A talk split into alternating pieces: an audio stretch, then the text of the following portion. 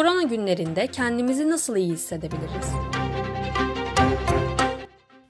Profesör Doktor Nevzat Tarhan, salgın günlerinin psikolojisini kaleme aldığı yazısında ciddi bir krizle karşı karşıyayız. Ancak her krizde olduğu gibi tehdit boyutu kadar fırsat boyutu da var, dedi. İşte Tarhan'ın yazısı. İnsanlık tarihinde bu derece yaşam tarzını etkileyen yaygın etkisi ve özellikle değeri olan bir kriz ilk defa yaşanıyor. Çünkü haz ve hız çağındaydık. İkisi de engellendi. Özgürlüğümüz kayboldu. Büyük hayallerimiz vardı. Uzaya ve geleceğe hakim olacaktık. Şimdi yaşam kalın derdine düştük. Bilim her şeye kadir diyorduk. Gücünün sınırlarını fark ettik. Ölümü çok uzak görüyorduk. Yakın olduğunu anladık. Yeni görevlerimiz sosyal izolasyon, sosyal mesafe, evde kalmak, hayatımızı eve sığdırmak. 30 gün oldu, tünelin ucunu göremedik. Toplumsal kaygı küresel olarak %70 klinik düzeye çıktı. Medcapes Psychiatry Koronafobi ölçeği geliştirildi. Koronavirüs pandemisinin diğer doğal afetlerden farkı yer ve zaman sınırlılığı olmaması ve belirsizliğin yüksek olması. Gerçekten büyük bir doğal afetle karşı karşıyayız. Bu ilahi bir ceza mı yoksa ilahi bir uyarı mı? Tarihte neden örneği yok? Zihinler karma karışık. Tedavisel psikoloji böyle durumlarda klasik bir tedavi tekniğini değil, üçüncü nesil bir tedavi tekniğini imdadımıza yetiştiriyor. Acceptance Commitment Terapi, Türkçesi kabullenme ve sorumluluk alma tedavisi. Bu tekniğin bakış açısı ile size bilgiler vermek istiyorum. Yukarıda söz edildiği gibi ciddi bir krizle karşı karşıyayız.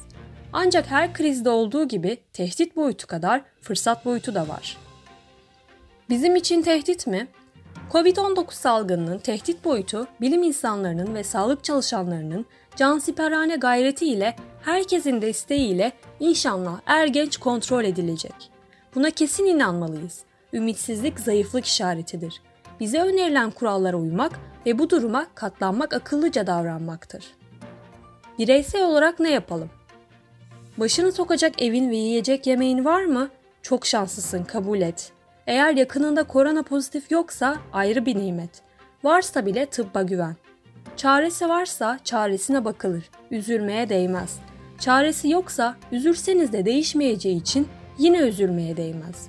Özetle hastalığı sen değil, bırak tıpçılar düşünsün ve ilgilensin. Kısa bir bilgiden sonra rutin işlerine devam et. İşlerinde zorluklar varsa umumi afet olduğunu düşün, sabırla bekle. Kriz sana üç şey verdi. Bol zaman, kendini yenilemek için bir fırsat ve doyum erteleme becerisi. Bunun için doğru pozisyon alıp beklersen kazanırsın. Hayat aceleye gelmez. Zamanı kendinizi tanımak ve geliştirmek aynı zamanda yakınlarına zaman ayırmak için bir fırsat olarak kullanın. Yalnız kalmak zorundaysanız yalnızlığı kucaklayın. Seçilmiş yalnızlık bilgelik yoludur. Aile projemiz nasıl olsun? Ortalama bir ailedeyseniz gülecek şeyler bulun. Aile içi iletişimi pozitif anlam, pozitif yorum, pozitif tepki kuralına göre işletin. Çocuklar sakın ailenin lideri olmasın. Anne baba eş başkanlık sistemine geçin. Günü planlayın. En büyük ürünün iyi çocuk yetiştirmek olduğunu unutmayın. İşte fırsat. Onlarla zaman geçirmek, hayatı paylaşmak, yanlışı veya doğruyu konuşmak, evin sıcak bir iklim olması en büyük hediye. Eşinize ve çocuklarınıza iki hediye daha sunun. Birincisi şefkat. Sevgiden daha büyüktür. Koşulsuz sevgi olarak bilinir.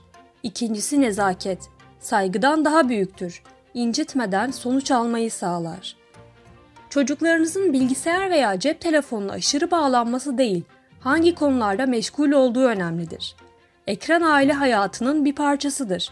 Anlamlı şeylerle ilgilenmesi için yollar arayın. Müzik zevkini veya yemek zevkini paylaşmak işe yarar. Video yürüyüşü, sanal oyun ve kitap kulüpleri seçenektir. Sıralı kitap okuma yapabilseniz 12 yaş altı için daha kolaydır. Önemli olan beyinleri aktif tutmak. Eğer evliliğiniz sorunlu ise sizin için de bir fırsat olabilir. Aa eşim iyi bir insanmış diyebilirsiniz. Veya damara basma, kılçık atma, laf sokma zamanı değil. Takdir edilecek, övülecek bir yönünü bulun. Sevgi dolu bir bakış, bir tebessüm, birkaç tane güzel söz, sıcak bir selamın sihirli etkisi vardır. Sabırla deneyin. Zihinsel sığınağınız varsa şanslısınız. Diğer taraftan kontrol duygunuz yüksekse ki zeki kişilerde daha çoktur, gelecek kaygısı, acabalar, geçmişle ilgili keşkeler çoksa, ölümün ayak seslerini duyuyorsanız bir zihinsel sığınağınız, koruyucu melek inancınız, yüksek bir güce güvenme duygunuz, her şeyi bilen, gücü yeten, her şeyin kontrolü onun elinde olan sağlam inancınız, tevhid gibi akla uygun bir inancınız varsa şanslısınız. Sağlam inancın teselli gücü ve hayata anlam katma değeri ortaya çıkar. İnsanoğlunun hayattaki tek amacının yaşam kalım olduğunu söyleyen yaşam felsefesi olanlar bir anlamın parçası olamayacakları için kolayca bunalıma girebilirler. Sonuç olarak içinde tehditlerin ve fırsatların olduğu kaotik bir kriz içindeyiz. Seçimlerimize göre esenlikle de geçirebiliriz, bunalımla da geçirebiliriz. İnsanlık iyi yönde de değişebilir, kötü yönde de değişebilir. Bu tüm olarak tercihlerimizin sonucudur.